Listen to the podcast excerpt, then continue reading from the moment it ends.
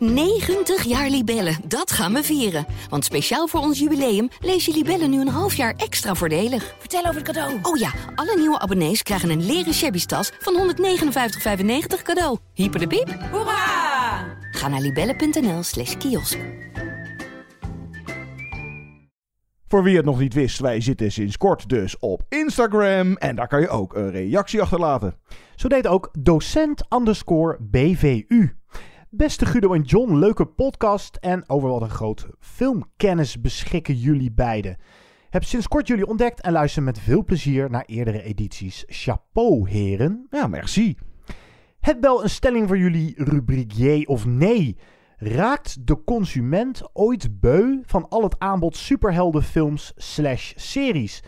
Dit vanwege de hilarische recensie van de Justice League. Veel succes en de vriendelijke groeten van Björn. Oh, hij heet Björn. Nou, John, zeg maar, J of nee? Jeetje, dat is lastige, want ja, dat is een beetje voorspellen of een beetje gokken. Nou, ik denk persoonlijk niet. Dus nee. Maar hoop ik, nou, hoop ik je? Nou, ook, nou, ook weer niet. Het is meer, nou, kijk, het was natuurlijk vooral deze eeuw, of nou, laat ik zeggen, vooral de laatste tien jaar, werden we echt op een gegeven moment een beetje doodgegooid met de superheldenfilms. En na Avengers Endgame was ik er ook wel even klaar mee. En, nou, dat is toevallig. Er kwam iets van een coronacrisis. En daar, dat zorgde voor een soort time-out of een soort van pitstop, waardoor een hele hoop van die superheldenfilms die in de planning stonden, werden uitgesteld. Uiteindelijk Wonder Woman 1984 en dus Just League, die we beide recent bespraken, werden dan op VOD gelanceerd. En je hebt series als WandaVision en Falcon and the Winter Soldier. Kijk, het is misschien denk ik ook een kwestie van of er in de toekomst... Dat werd het op een gegeven moment bijna een soort van overkill. Dat we iedere maand wel in de bioscoop zo'n nieuwe superheldenfilm. En of ze dat weer een beetje terugschroeven in de aankomende jaren. Of dat we het dus in de toekomst ooit beu worden. Ik denk meer dat het een kwestie zal zijn van kwaliteit en dus inderdaad kwantiteit. Nou, van mij mag het minder, laat ik zo zeggen. Die budgetten die ze daarvoor gebruiken. Er mag wel eens een keer wat anders mee gedaan worden. Iets van een epos of een grote oorlogsfilm. Of wat andere sci-fi. Of een keer iets van fantasy à la Lord of the Rings. Weet je, wat meer variatie. Het is een moeilijke stelling, want misschien is het antwoord jee. Maar het gaat eigenlijk om de makers. Gaan zij dan vervolgens door met superheldenfilms en series maken als ze zien dat de cijfers bijvoorbeeld teruglopen? En ja, het is natuurlijk wel zo dat uh, filmtrends die gaan in golfbewegingen en die verdwijnen ook weer. Je hebt in de jaren 80 heel veel body cup movies. Je hebt in de jaren 90 een enorme lading aan rampenfilms gehad van Dante's Peak en Volcano tot Twister en Independence Day. Nou, het aantal superheldenfilms dat op ons afkwam sinds begin van de eeuw. Ja, of zeker sinds Iron Man, sinds de Marvel uh, Cinematic Universe. Uh, wel heel stevig geweest. En ik denk dat zij op een gegeven moment toch een beetje in ieder geval het wiel opnieuw moeten uitvinden of een andere weg inslaan om het boeiend te houden. En uiteindelijk dicteren de cijfers wat de makers in de commerciële sector maken. Dus denk ik Nee, maar dan is het dus geheel aan meer creativiteit en een andere visie erop loslaten. Maar ja, op een gegeven moment is de pool wel leeg. Ja, ze kunnen er tot in uh, de eeuwigheid tot het vervelends mee doorgaan. Maar ik denk dat ja, er kan een punt komen dat het publiek het inderdaad een beetje beu gaat worden. En dan neem ik aan dat ze verstandig zijn om het inderdaad dan minder te maken. Nou ja, goed, er komt een nieuwe Batman-film aan. En dat is al de zoveelste keer dat de Batman-mythos nieuw leven wordt ingeblazen. Met Robert Pattinson. Nou ja, ik hoef ze niet allemaal langs uh, te gaan. Maar van de Tim Burton-films tot de Christopher Nolan-films. Ook onlangs nog Joker. En dan heb je nog uh, Ben Affleck als Batman. Batfleck als die niet scoort, denk ik dat de grote studio's, die verantwoordelijk zijn voor al die superheldenmeuk, zich een beetje achter de oren zullen krabben. Spannend. Maar voorlopig, jij zegt eigenlijk bedankt corona, dat we even... Maar ik denk dat juist nu de coronacrisis een beetje op zijn einde loopt. Oeh, moet ik altijd... Voorzichtig moet ik dat uitspreken. Zet je nog maar even schap voor een, een nieuwe tsunami. Hoi, dit is Tom Holkenborg. Ik ben de componist van onder andere Mad Max Fury Road, Deadpool en Justice League de Zack Snyder Cut. En over een maand komt ook Godzilla vs. Kong uit. En je luistert naar Movie Insiders.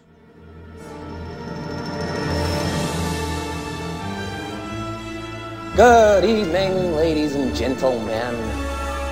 We are tonight's entertainment. Movie Insiders. They're here.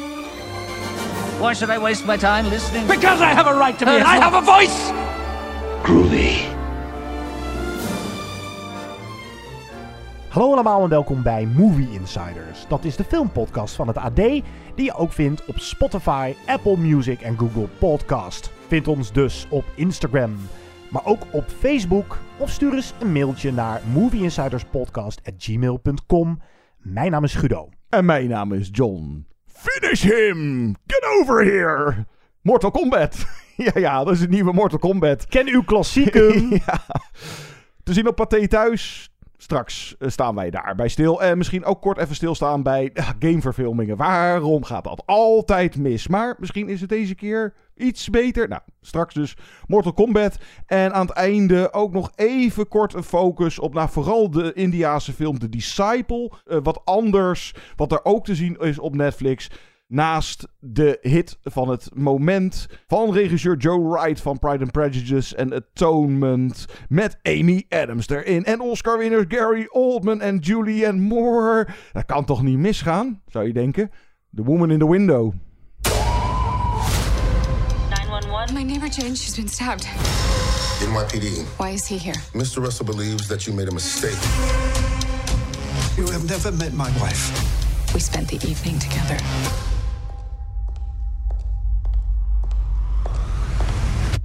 I'm Jane Russell.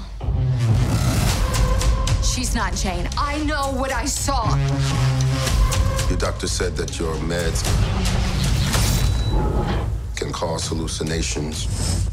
Why are you protecting them? They're all hiding something. The Woman in the Window. Een succesvol boek, naar aanleiding onder meer van Gone Girl en Girl in the Train. Dus vrouwen ergens achter een raam, in een trein, of ze zijn weg. In ieder geval een vrouwelijk voornaamwoord. En dan de titel. Het is blijkbaar een trendje in boekenland. En als iets succesvol is of een bestseller wordt, ja, dan kan een film niet uitblijven. Zo ook The Woman in the Window. En wie hier zijn tanden in zette, is niemand minder dan, ja, je zei zijn naam al even net, John, Joe Wright. En ik ben een groot fan van Joe Wright, want hij maakte onder meer Atonement en Pride and Prejudice. Maar ook bijvoorbeeld Henna, een heerlijke film die niet heel veel mensen hebben gezien. Die moet je eens aanzetten. Henna, hele maffe actiefilm met Sergio Ronan. Wat maakt hij nou nog meer? Ik heb niet gezien, dat Pan. Een, een mislukte Peter Pan verfilming. Ja, ik wil niet helemaal de hemel inprijzen, Joe Wright. Het is een beetje hit en mis. Begint hij te worden. Het, daar komen we zo nog op. Anna Karenina. Die was, ja, dat is wel aardig. Hij moet eigenlijk alleen maar gewoon historische films maken. Punt. goed, dat is vooruitlopen op de recensie. Maar goed, waar gaat de Woman in the Window over? Amy Adams speelt een vrouw met pleinvrees. Je doet gewoon letterlijk een lockdown, doet ze. Ja, ze, dit is echt een lockdown movie inderdaad. En nou ja, er is van alles met haar aan de hand. Ze is gewoon een wrak van een vrouw. Zit dus opgesloten thuis. En we zien à la Hitchcock's Rear Window een scène waarin deze vrouw, Anna Fox heet ze, gespeeld dus door Amy Adams. Ze ziet een moord gebeuren aan de overkant van de straat. En dat is het begin van een thriller met heel veel plotwendingen, twists, turns. En dit is een film waar het vooral momenteel over gaat, omdat hij zo onvoorstelbaar wordt neergesabeld. En dat is dan weer nieuws. Want hoe kan je nou een beroerde film maken met zo'n, nou ja, misschien wel overgekwalificeerde cast. Want naast Amy Adams, inderdaad, Jennifer Jason Lee, Gary Oldman, uh, wie zag ik nog meer rondlopen? Anthony Mackie, uh, oh ja. De, ja, Steve Falcon. Ja. Een hele korte rol, maar er is ook van alles aan de hand geweest tijdens de shoot. Ja, dat merk je ook wel, ja. Ja, en dat merk je, want er waren rewrites, dat gebeurt nog wel eens, dat je dan een film draait en denkt, ja, misschien moeten we het toch anders doen. dan krijgt het script een... Uh, nou, uh, een verfje. Er was vervolgens een testscreening. En daar was het publiek ook niet tevreden over. Dus toen zijn er niet opnieuw opnames gemaakt. Maar ze zijn wel teruggegaan de editing room in. Om de film, weet ik veel, een, een iets andere vibe te geven. Of het einde, een ander tempo. Er is een hoop om te doen en hij wordt echt dus neergesabeld. Ik geloof dat hij op Rotten Tomatoes ergens rond de 30% bungelt. Zoiets. En hij zou geloof ik ook veel eerder uitkomen. Was ook wel uitgesteld. En nu dus, nou, uiteindelijk nu op Netflix. Ja, hij heeft heel lang op de plank gelegen. Maar goed, dan is de vraag, is het inderdaad zo'n hoop bagger? Of, nou laat ik het zo vragen. Wat zijn de silver linings van The Woman in the Window? Nou, niet heel veel. Uh, het camerawerk misschien. Of, uh, ik zat een beetje van, what the fuck, wat is dit voor ja, zooitje? Nou ja, dat merk je inderdaad wel. Dat het ook problemen had met, nou, wat je zegt, montage en, en dat soort dingen. Ja, een compleet mislukte wannabe moderne Rear Window. Uh, Rear Window komt zelfs ook nog letterlijk op een PC-scherm aan het begin van de film voorbij. Om er even aan herinnerd te worden van, ja, dat is de inspiratie, mensen. Hitchcock. Ja, maar ook alsof de film zegt, hallo, het is geen Hitchcock rip-off. Wij knipogen heel zelfbewust. ode. Ja, het is een ode. Een hommage. Ja, uh, nou ja, jij uh, gaf hem zelfs nog drie sterren. Wat zei je? Iets van uh, dat je er nog wel lol aan beleeft. En ik zat zo van, ja, lol. Ja, als, misschien als je het als een foute B-film gaat kijken, maar zelfs dan of de, de film niet serieus zou nemen. Maar volgens mij is dat ook gewoon onmogelijk door de film. Ik ben gewoon dol op mislukte films met prestige. Films die hadden moeten slagen vanwege nou, de man die achter de camera staat en de cast. En dan vind ik het fascinerend om naar te kijken en ook te ontdekken waarom is deze film überhaupt gemaakt? En ik schrijf ook in mijn recensie: Joe Wright heeft misschien gedacht op basis van het boek dat hij lekker filmisch kon uitpakken. En dat doet hij. En dat doet hij eigenlijk in de overdrive. Op een gegeven moment zit er een. Nou ja, ik moet niet spoileren. Maar in het hoofd van Amy Adams zien we een flashback van een auto-ongeluk. En die auto belandt op een gegeven moment in het huis. En dat is dan gewoon een visueel trucje in het huis van waar zij woont. En dan in die kamer waar die auto ineens ligt, gaat dat dan ook sneeuwen. Het is slechts een van de vele, vele trucages die in deze film zitten. Ja, visueel dat... pakt hij lekker uit. Ja, ja, ja en dat vind ik dan toch wel leuk. Dus de film is ergens ook wel een soort van zelfbewuste pulp.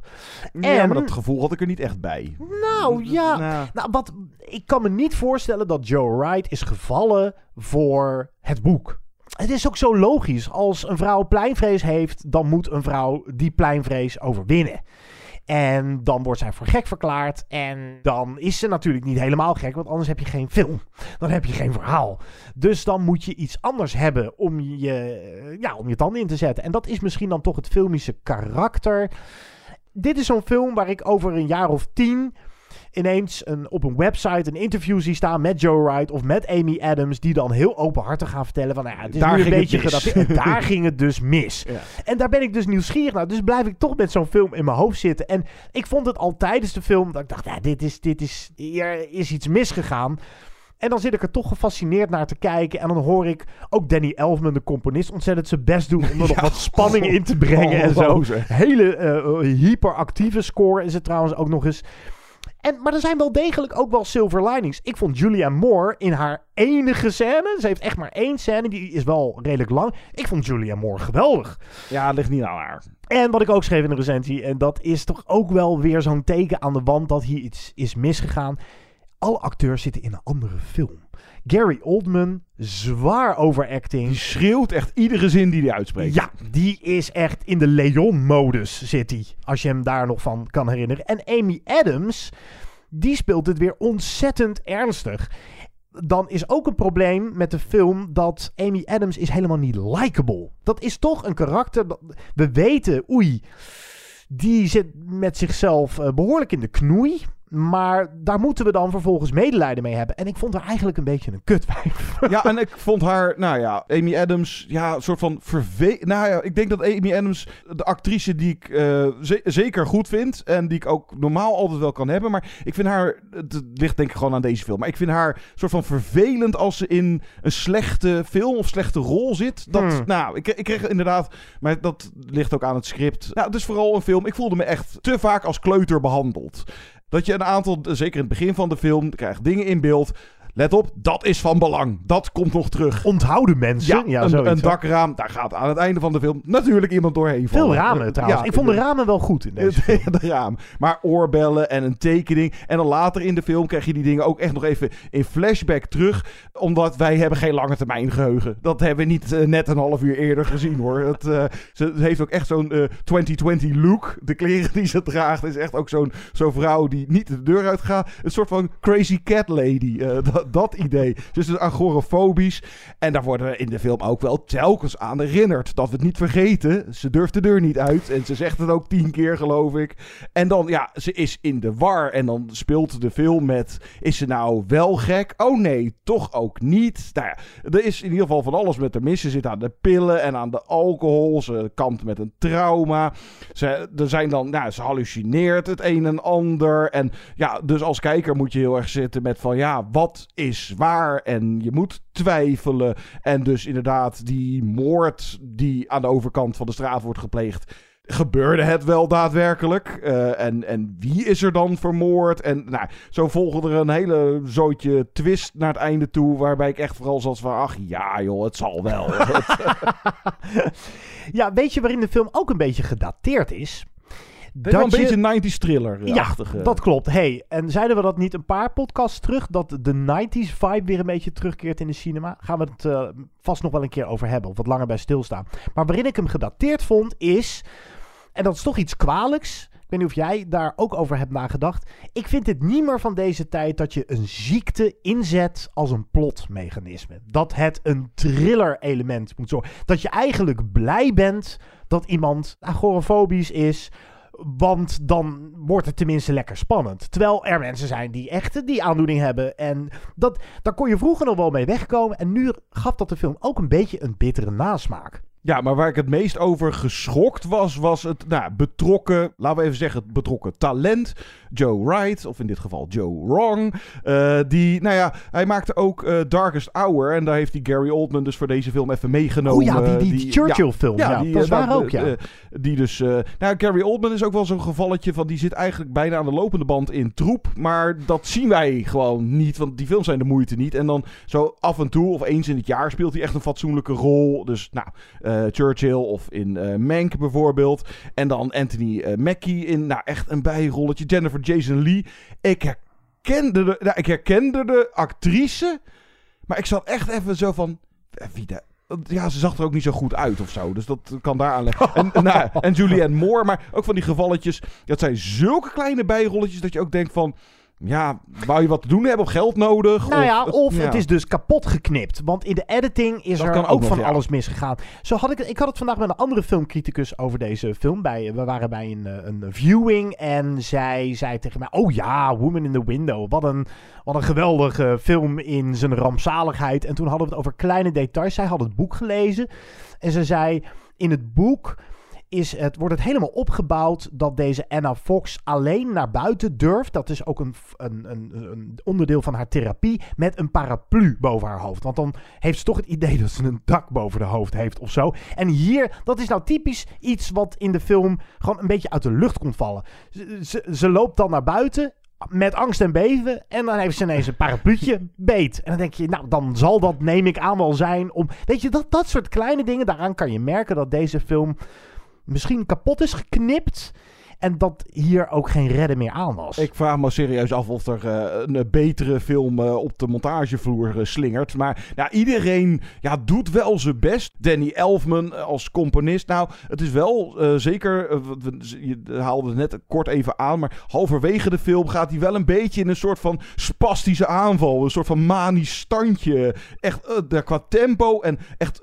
te onrustig voor het soort film eh, wat het is. Ook qua geluid, eh, design en echt zo van... Je wordt echt even wakker geschud. Eh, oh, er gebeurt van alles. Maar of dat nou echt... ja, het is... Nou, Over, ja, dat heb je wel vaak bij slechte films. Dat de componist heeft dan door. Dit is geen goede film. En ik moet dat dan gaan compenseren met mijn muziek. Dus die zet ik in de, nou, in de hogere versnelling om er nog iets van te maken. het is helaas dan niet vermakelijk slecht. Of niet lachwekkend Nou, ik slecht. vond hem leuk. Ik, Mm. ik, daarom heb ik hem toch drie sterren. ge- Ik, vind, ik denk toch dat heel veel mensen best lol zullen beleven aan deze film. Het is pulpy, it wears its pulp on its sleeve. Ja, misschien als je het van Hmm. tevoren weet. Misschien toch eens kijken. En anders, nou, we komen er misschien nog eens op terug als inderdaad de verhalen naar buiten komen. What the fuck went wrong here?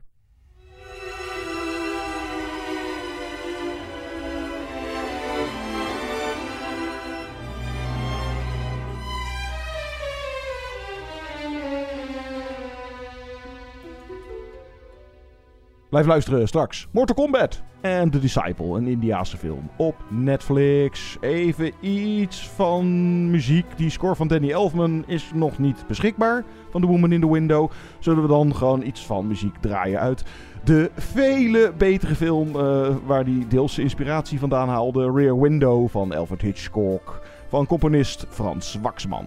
Tot zo.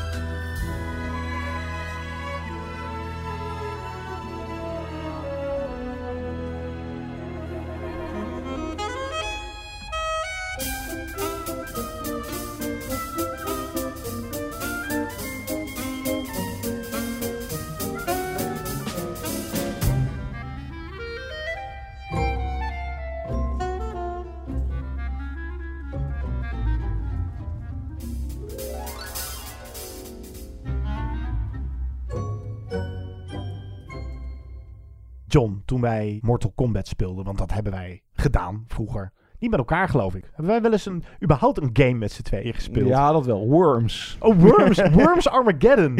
Dat blijft echt onovertroffen, hoor. Hij. Ja, nee, maar toen Mortal Kombat, nee, toen kenden we elkaar nog niet. Ja, Scorpion of zo, of eh, Sub-Zero. Nou, ik Kano was... vond ik ook Kano. Ja. Ik was altijd Kano. Kano. Kano. Goed, daar gaat hij dan. Mortal Kombat. Throughout history, different cultures all over the world reference a great tournament of champions. That dragon marking? I think it's an invitation to fight for something known.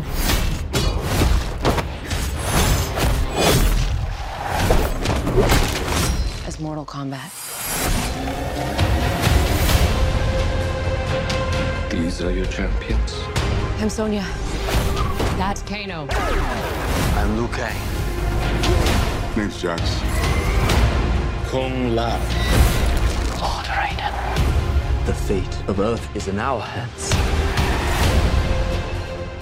Mortal Kombat. Nu te zien op Pathé thuis. Een remake of een reboot. Nou, gebaseerd op de populaire gameserie. Waarvan de eerste uitkwam in 1992. Nou, toen kenden we elkaar dus nog niet. Maar het is voor ons wel echt ja, jeugdsentiment. En blijkbaar de afgelopen decennia zijn er ook nog steeds van die games gemaakt. Ik zag Mortal Kombat 11 uit 2019. Maar ja, als je zoals ik en jij ook geloof ik niet meer gamet. Dan ben je daar ook niet echt van op de hoogte. Maar ik zat dus bij het kijken van deze film heel erg van... Ja, is dit nou echt als film ook alleen voor onze generatie leuk als nostalgie? Van ja, dat kennen wij, die game van vroeger. Maar je kan dus nu ook jonkies van nou, 16, 17 hebben... die die laatste, wat is het, Mortal Kombat 11 eh, spelen thuis. Nou, er was een eerste film uit 1995. Niet van eh, Paul Thomas, maar van Paul W.S. Anderson.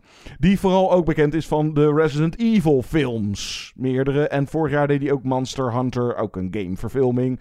En je hebt MMA, eh, Mixed Martial Arts vechter Cole Young, is een van de uitverkorenen namens aarde om te gaan strijden in een laten we het even een toernooi noemen tegen bad guys van Outworld, van een andere planeet. En nou, om uiteindelijk de wereld te redden. Zoiets. Uh, de film moet het uiteraard niet van zijn plot hebben. Uh, Guido, is dit dan eindelijk een goede of een van de weinige geslaagde gameverfilmingen?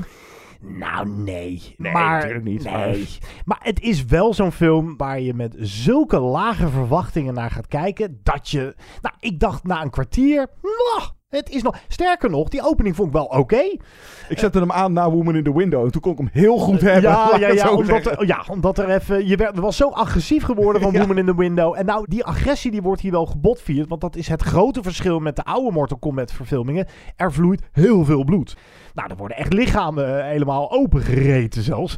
En in de openingsscène had ik wel waardering voor eh, hoe de film eruit zag. Prima art direction. Ja, het ziet er goed uit, ja. En een, een goed gevecht. Ook nog wel redelijk eh, qua choreografie.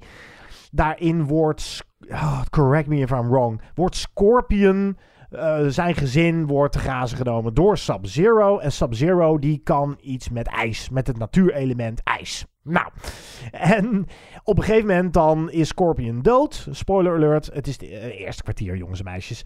Maar... Nou, dood. Ja, precies. Het, er wordt toch al gesuggereerd, ja, nee, hou die Scorpion in de gaten. Die zou zo nog maar eens eh, zijn melwerk eh, kunnen laten zien later Ja. in de film. En die Cole Young, die hoofdrolspeler, of een van, eh, laten we even zeggen de hoofdrolspeler, is een afstammeling daarvan zoveel eeuwen later. Het- Nou ja, het, het grote probleem is gewoon, je maakt een verfilming van een vechtspelletje. Ik zeg het even heel oneerbiedig, want ik wil niemand belachelijk maken die is- dol is op Mortal Kombat. Maar Is het is, een, het is een vechtspelletje. Gave knokgame.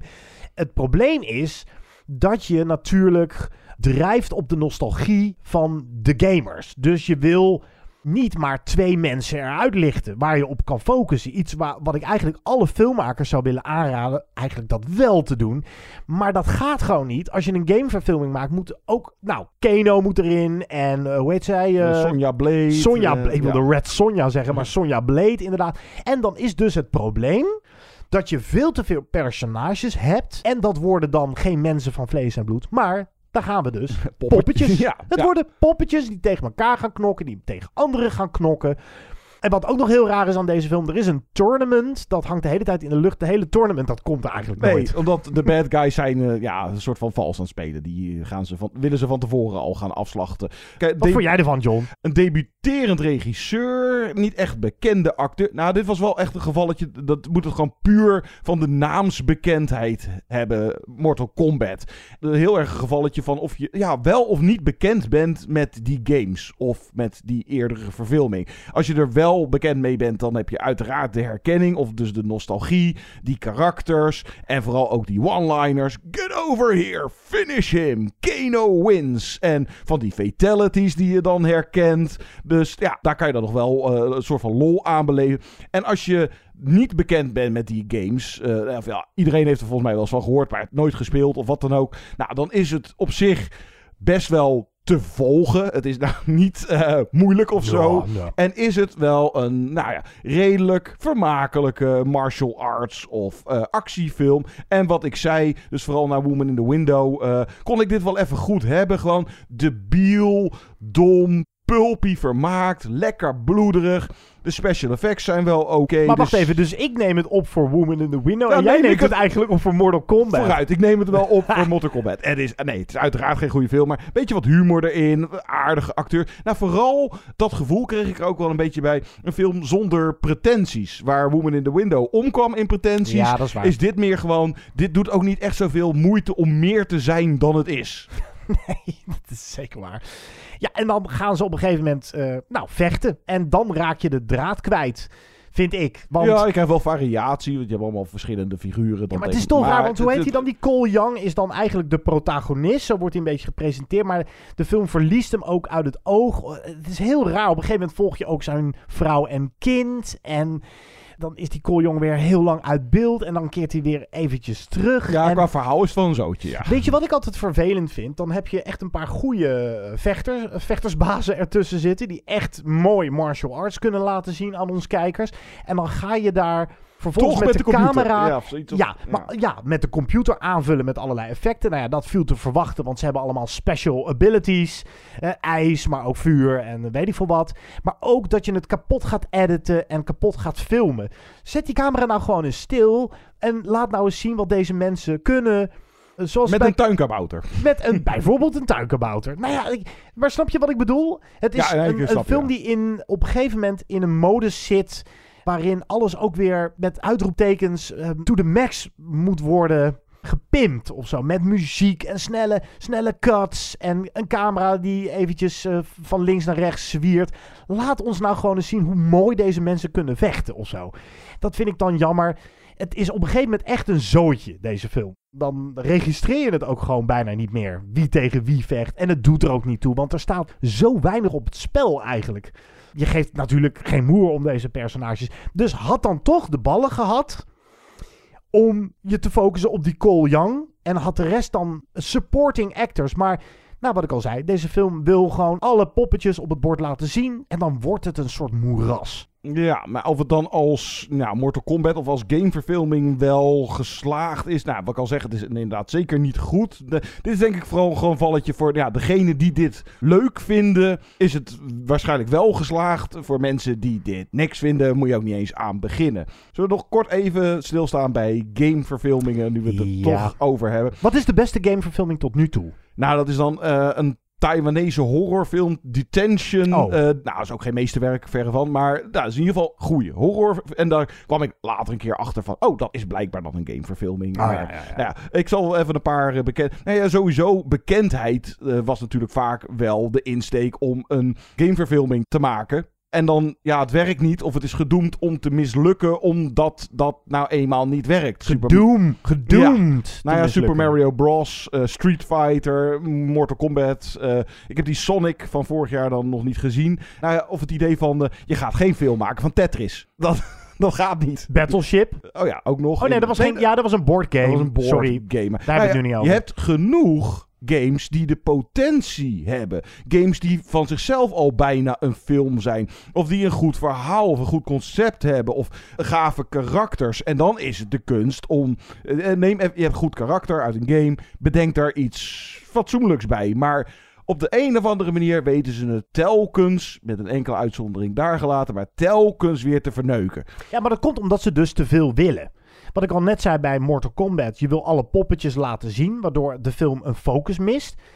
Maar ja, dat, dat geldt denk ik ook voor films als Warcraft en zo. Je wil zoveel mogelijk van die wereld. Je wil zoveel mogelijk herkenbare elementen voor eh, de gamers. Die wil je zoveel mogelijk aha-erlebnissen schenken. En dan gaat het narratief gewoon helemaal mis. Dat, Ja, het- dat is toch waar het... al- En Het gaat qua verhaal eigenlijk altijd fout. ja, maar het zijn natuurlijk twee compleet andere media. Dus laten, we, het laten kan. we, als, als je een gameverfilming maakt, moet je gewoon accepteren. Je moet de game eigenlijk in het Loslaten. vuur gooien. Loslaten. Of, Zo, eh, ja, ja. kapot trappen. Oké, die game. Oh ja, wat, wat zat er allemaal in die game? Welke wereld speelde zich eraf? En dan ga ik daarin een verhaal vertellen. En dan maar wat minder aha-erlebnissen de kijker voeren. Ja, nee, Tomb, Tomb Raider had eh, de potentie Nou, om ja. een vrouwelijke Indiana Jones te, of Prince of worden. Persia met Jake Gyllenhaal. Was ook geen Persia, geweldige nou, film. Maar... Ik weet niet of die dit jaar dan nog uitkomt of volgend jaar, maar die Uncharted eh, met Tom Spider-Man Holland. Dat, nou, dat zou misschien... Ik hoop dat ze daar eindelijk wijs genoeg zijn geweest om de game... Nou, gewoon het idee van de game en dan een soort van eh, jonge Indiana Jones. Ik heb trouwens die Alicia Vikander Tomb Raider nog niet gezien. Ja, die heb ik wel eens gezien. En Ja, het probleem met de. Resident Evil films was eigenlijk altijd dat het ja, ging meer voor de actie dan de horror. Dat vind ik wel zonde. Komt later dit jaar nog wel een Resident Evil film, een nieuwe, wat dan weer het begin, eh, de origin story. Ik hoop dat dat echt dan vol voor horen. Silent Hill, die, die Juist. vond ik nog wel aardig. Je Dat- bent er net voor, ja. want Silent Hill is dan nog wel een fatsoenlijk gemaakte horrorfilm met heel veel sfeer ook. Nou, filmisch dus. Ja. Dat is dan denk ik gewoon de sleutel. Maar verder, een game is een interactief medium. En cinema is een passief medium. Daar kijk je naar. Er wordt een sprookjesboek opengeklapt. En er wordt jou een verhaal verteld waarin je moet worden meegenomen. Zonder dat je daar zelf eh, de, de karakters een bepaalde kant kan opsturen. Daarin gaat het. Je moet accepteren dat het twee verschillende media zijn. En dat heb ik ook bij Mortal Kombat. Ik vond altijd als kind niks vervelenders dan iemand te zien Mortal Kombatten.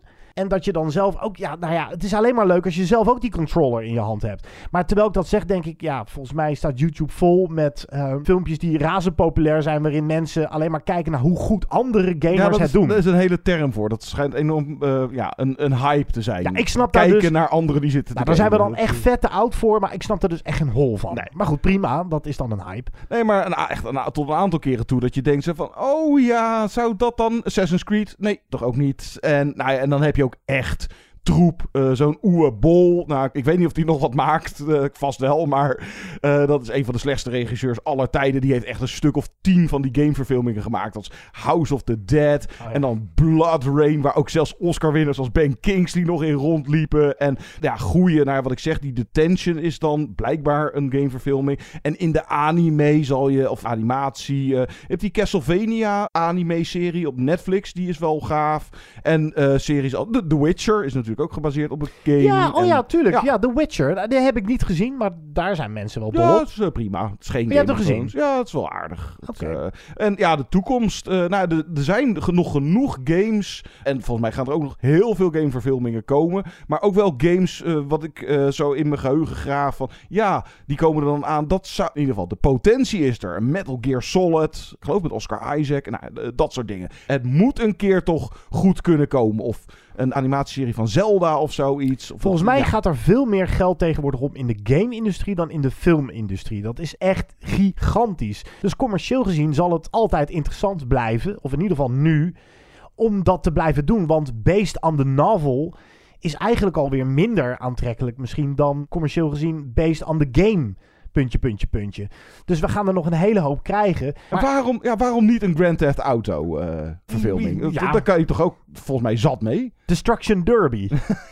of, John, misschien moeten wij die gaan maken. Worms Armageddon.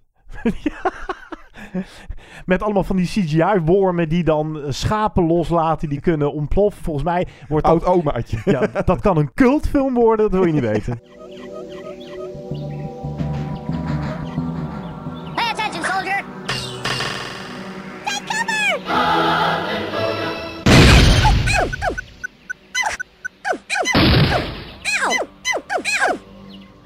Even een stukje muziek uh, van componist Benjamin Wolfish, Mortal Kombat. Nou weet je, dat bewaren we voor het einde, dat uh, Techno Syndrome uh, 2021. Want nou ja, dan kan je aan het einde van de podcast zelf beslissen of je het leuk vindt of uitzet. maar even iets van een stukje score nu dan. Straks iets heel anders.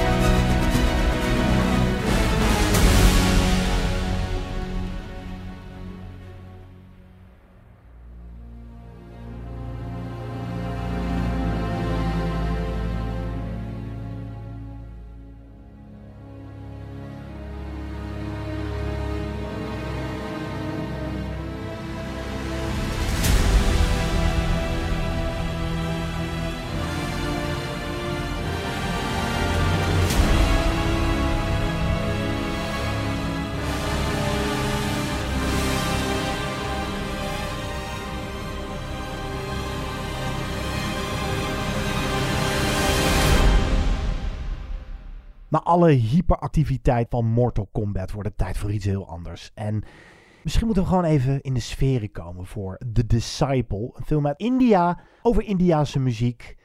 Even in de lotushouding, even de oogjes toe.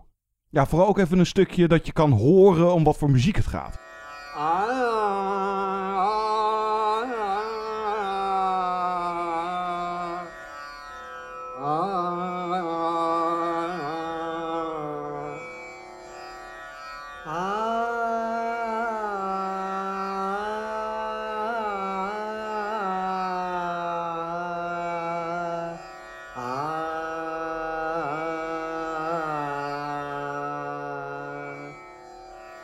Nou John, The Disciple is een film die kwam op mijn radar omdat ik er wat stukjes her en der over las. Als filmrecensent probeer ik zo goed als ik kan alle filmreleases in de gaten te houden. Maar soms komt er ineens iets op Netflix en nou, je ziet er ook geen commercials van. Ik werd er niet op geattendeerd. Hij draaide geloof ik wel uh, vorig jaar op het filmfestival van Venetië. Venetië. Ja, ja, er staat inderdaad op Netflix ook wel uh, het een en ander aan Indiase cinema. Uh, even voor de goede orde, voor wie het nog niet wist. De grootste filmindustrie ter wereld. En nou, vooral voor jou en voor mij ook een beetje nog steeds een blinde vlek. Nee, ik heb wel wat gezien, maar ja, ja. Uh, Bollywood, Collywood, Mollywood, Tollywood, et cetera. uh, ja. En dan, nou, dit is echt overduidelijk arthouse. En kan ik even, voor de mensen die het onderscheid willen kunnen maken. Indiaanse arthouse films zijn meestal dan niet in Hindi gesproken en zijn juist twee uur of korter. Want die uh, Bollywoodfilms die zijn nou, altijd, uh, bijna altijd uh, standaard dik twee uur of drie uur. En deze is dan grotendeels, of nou, bijna helemaal gesproken in Marathi. Wat blijkbaar de tiende meest gesproken taal is wereldwijd. Uh, hoewel er in films niet zo heel vaak Marathi. Dan is toch eerder Hindi. Uh, maar de film speelt ook in Mumbai, waar dit gesproken wordt. En de muziekstijl waar het hier om gaat, uh, beoefend door de hoofdrolspeler. En dat is een Sharat, een vocalist. Die de Kajal stijl beoefent. En Kajal betekent gedachte of verbeelding.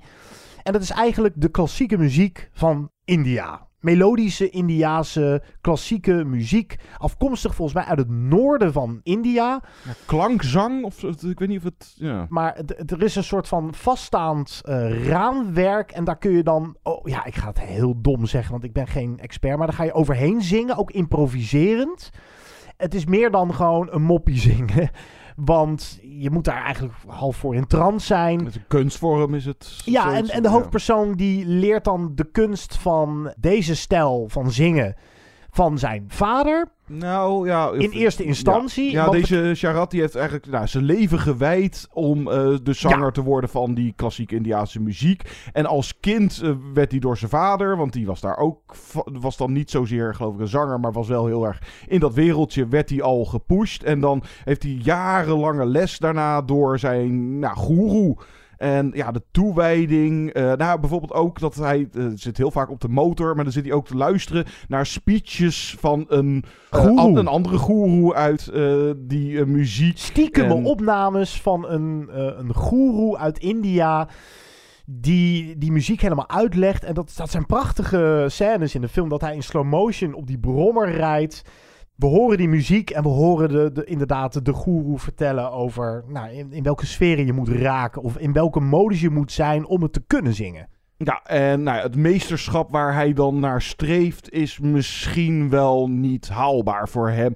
Uh, Guido, is dit het compleet tegenovergestelde van um, Bollywood? Of nee, wacht even. Misschien het compleet tegenovergestelde van Whiplash.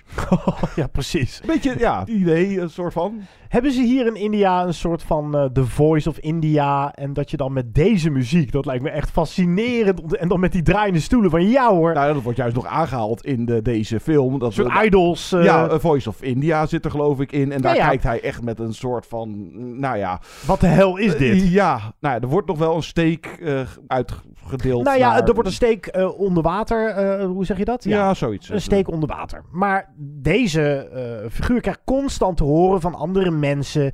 We willen andere muziek horen. Dit is muziek niet meer van deze tijd. Het is niet commercieel genoeg. Ja, kunst versus commercie. Juist, kunst versus commercie. Dat is een uh, belangrijk onderdeel van deze film. En je zei het woord ook al toewijding. Toewijding voor iets waarvan je inderdaad het, het hoogst haalbare misschien niet eens kan aanraken. En het gaat ook over hoe zijn voorgangers of andere mensen het niet hebben gehaald. Ja, en hij het waarschijnlijk dus ook niet. En hij, ja, ja, en precies, en dan toch door blijven gaan. En die passie. En dat is prachtig om naar te kijken. Het is wel een film waar je echt goed voor moet gaan zitten. Nou ja, de, de film en de filmmaker zijn ook echt toegewijd aan. Zeker, dit. Eh, zeker. Hij gaat er vol Met voor. liefde voor deze muziekstijl. Ik eh, moet er wel bij vermelden, als je niet tegen dat gejengel, sorry, een beetje oneerbiedig kan, dan moet je hier misschien ook gewoon maar niet aan beginnen, want het zit er vol mee. De regisseur trouwens, eh, Chaitanya Tamhane, zijn tweede film. Ik heb niet zo heel veel Indiaanse films gezien, maar zijn vorige, Kort, die heb ik wel gezien. Die heb je gezien? Ja, Oh. ook zeer de moeite. Maar ja, dus inderdaad de passie, het devote en het alles moeten opofferen om voor deze muziek te gaan. Dus liefde of een gezin en ook geld. Nou, en Ja, omaatje die constant maar zegt, eh Ja, ga ze een baan vinden. nou, volgens mij woont hij bij zijn tante, heb ik het idee. Of, Oh. nou, nou, wordt nooit helemaal hebben, we duidelijk. hebben niet duidelijk dan. Maar hij zit af en toe nog wel eens te masturberen achter de computer. Wel een zwart schermpje natuurlijk. Het is en blijft een Indiaanse film. En hij maakt één keer een avance bij een collega-zangeres. eh, dat, ze even, dat hij even zo zijn handje op haar handje legt. En dat nou, is zij toch niet echt van gediend. En dan nou, een aantal keer een wedstrijd. En, maar hij is echt zo toegewijd aan die muziek. Dat hij dus ook inderdaad die speeches bijvoorbeeld. Naar oude tapes is hij dan aan het omzetten naar digitaal of naar eh, CD of eh, iets. Maar ook weer iemand die, nou ja, misschien wel een beetje een snop. Die ook echt boos kan worden of geïrriteerd kan raken als mensen die muziek of hem niet serieus nemen. Ja, maar ben je dan- een ja, ja. journalist of zo die dan iets zegt van, of die hem eigenlijk gewoon een keertje keihard de waarheid zegt van, oh, oh, die goeroe. Ja, die was een beetje hoog in de bol en die eh, zat er eigenlijk half naast. Het begrip snop is eigenlijk wel... Het heeft een hele negatieve klank. Deze jongen eh, die gelooft echt in deze muziek. En dat wordt gewoon onder het tapijt geveegd. Er is gewoon te weinig aandacht en waardering voor. En of je er nou van houdt of niet. Het is uiteindelijk de kunst van het iets beoefenen. En de toewijding. En dat je daar alles voor wegcijfert. Dus gaat het veel meer over dat soort grotere onderwerpen dan specifiek over deze muziekstijl. Weet je, als je deze muziekstijl niet kan hebben als kijker of als luisteraar. Ik raakte er toch wel op een gegeven moment na een half uur. Dan ga je er bijna naar terug verlangen. En het blijft ook de hele tijd in je kop spoken trouwens als je deze film hebt gezien.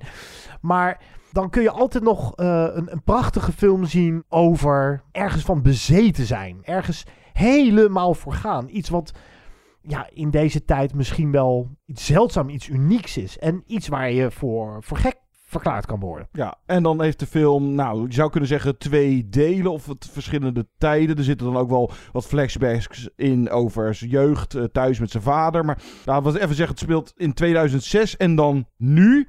Sharat wordt gespeeld door Aditya Modak. Die heeft blijkbaar ook even een eh, De Niro Raging Bull dingetje gedaan. Hij is of flink aangekomen of flink afgevallen. Je ziet duidelijk verschil. Ja. eh. en eh, de, zijn goeroe in de film is in het echte leven ook een goeroe. Die heeft gewoon één keer ja gezegd voor een film. Een pittige goeroe trouwens. Ja, Holy shit. ging. Nou, de film is bijna meditatief of spiritueel. Die muziek en die lessen, die optredens, de slow motor waar die op rijdt. Het wordt soms ook wel een beetje repetitief. eh, of anderen zouden kunnen zeggen saai. Het is een kalme film. Eh, het had zeker wel wat bondiger of wat, wat strakker gekund. Nou, het- maar, het- het- of iets meer verhaal. Ja, het verhaal zit een Het beetje tussen... er wel in. Het, het zit tussen de regels door. Heel veel wordt niet uitgesproken, maar eh, verschillende verhoudingen of qua familie en, en weet ik het wel. Het zit er wel allemaal in, maar de focus wordt wel echt gelegd op eh, de muziek en zijn devote passie ervoor. Ja, een beetje rare vergelijking, maar net als Nomadland. Je moet je overgeven aan de vibe of de mood van deze film. En als je dat niet doet, dan is het misschien wel een helle tocht. maar ik kon het wel. En ik vond het prachtig. Hoe, de film is net zo devoot voor zijn, het verhaal wat hij wil vertellen... als de devotie voor de muziek waar het hoofdpersonage zich op stort. En dat is mooi. John, waarom bespreken wij eigenlijk niet meer Indiaanse films? Ik denk dat heel veel mensen denken, India, dat is Bollywood. Dat is, eh, eh, en dat is, dat is dansjes. En... Jai ho! Jai ho! Ja. Dat is hooguit uh, Slumdog Millionaire. Ja, misschien moeten we nog eens een keertje echt zo'n grote Bollywood-klassieker. eh eh Sholai, Lagaan. Sholai of Lagaan. Of het, maar ja, er wordt eh, daarnaast. Het is in de minderheid, eh, net te vergelijkbaar met Hollywood. Maar ja, er wordt ook een hoop arthouse wel gemaakt. Maar wat ik zeg, daar moet je even voor speuren. Want bijvoorbeeld ook op Netflix, ja, er staat eh, echt wel het een en ander aan Indiaanse films. Maar daar is, dat is ook voor 90% eh, Bollywood of Tollywood of Collywood of Hupse Flups en eh, weet ik het wel. Ja, ook wat horrortitels op ja, Netflix. ook wel eens wat. Uit Eh, dat- India. ja, dat- ja, het is de grootste filmindustrie ter wereld, dus er wordt echt wel het een en ander gemaakt. Dit is eh, verder eh, ja, wel zeker de moeite. Prachtig geschoten en heel goed geacteerd. En denk ik, ik, ik, ik vond het in ieder geval niet een trivia. Ik denk ook echt zo'n passieproject van deze regisseur. Dat moet toch bijna wel? Ja, dit is wel voor, echt voor de fijnproevers. आज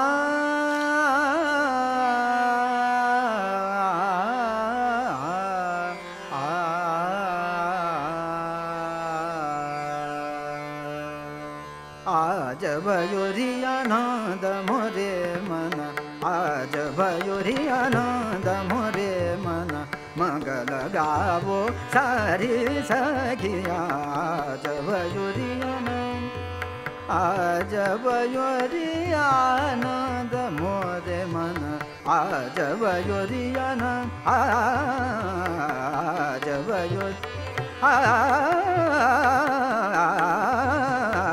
आज भयो आज भयोरी आनंद मोरे मन आज भयोरी आनंद रे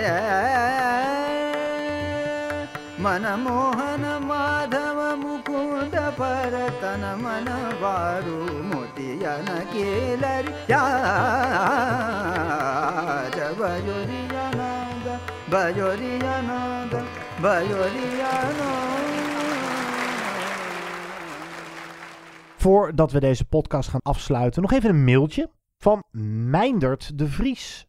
Vriend van de show, zeggen we dan. We doen wel eens een filmquiz met hem. Erg leuk. Meindert, jongen, hoe is het? En bedankt voor je mailtje. Hallo Guido en John.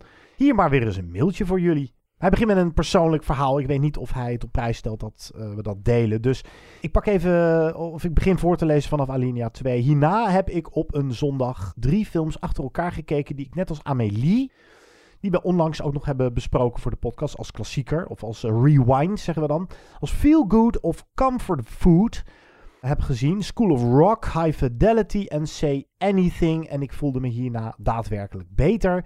En het bracht me op een paar ideeën voor jullie podcast. Een rewatch slash terugspoelsessie van Say Anything. Een werkelijk fantastische film uit 1989 van Cameron Crowe, bekend van Almost Famous, en Jerry Maguire, Vanilla Sky, waarvan er volgens mij geen tweede is. Te weinig mensen kennen deze film en hij staat gewoon op Disney+. Plus. Ja, ik denk dat meer mensen misschien bekend zijn met uh, nou, John Cusack, die de hoofdrol speelt, dat hij met die Ghetto Blaster uh, zo omhoog staat. Dat is een heel bekend Dat film. beeld is wel ja. bekend, ja. Maar de film, uh, ja, is ook gaaf. Uh, Say Anything, moet ik ook weer eens kijken. Andere optie of een andere suggestie is een rewatch van High Fidelity.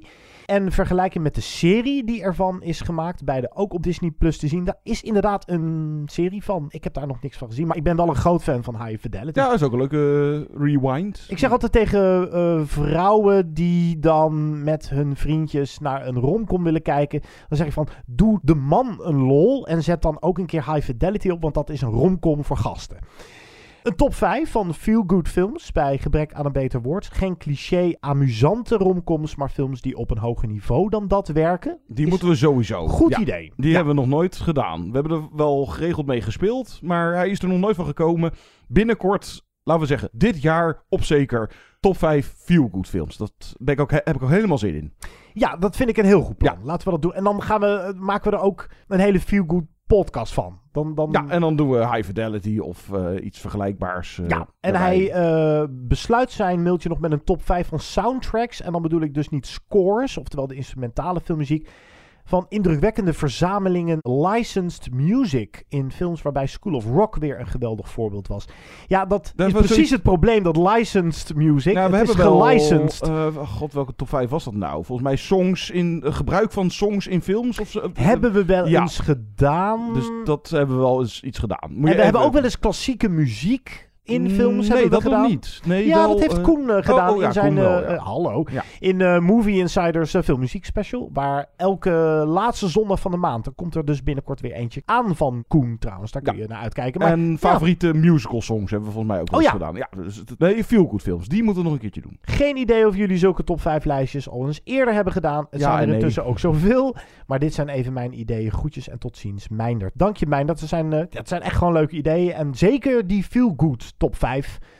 Dat, daar zijn we met z'n allen inderdaad aan toe naar die hele corona-shite. Eerstvolgende podcast in ieder geval nog niet. Dan doen wij... Nou, we gaan in ieder geval samen met de binge-watchers Kevin en Charlene... Die gaan over de series en wij gaan over de film. We gaan een eh, crossover. crossover. We gaan eh, ja, met elkaar. Wij gaan op visite bij de Binge Watchers. We gaan samen met hun een top 3 beste series van deze eeuw doen. En zij doen met ons mee. En dan doen we een top 3, met z'n vieren dan dus.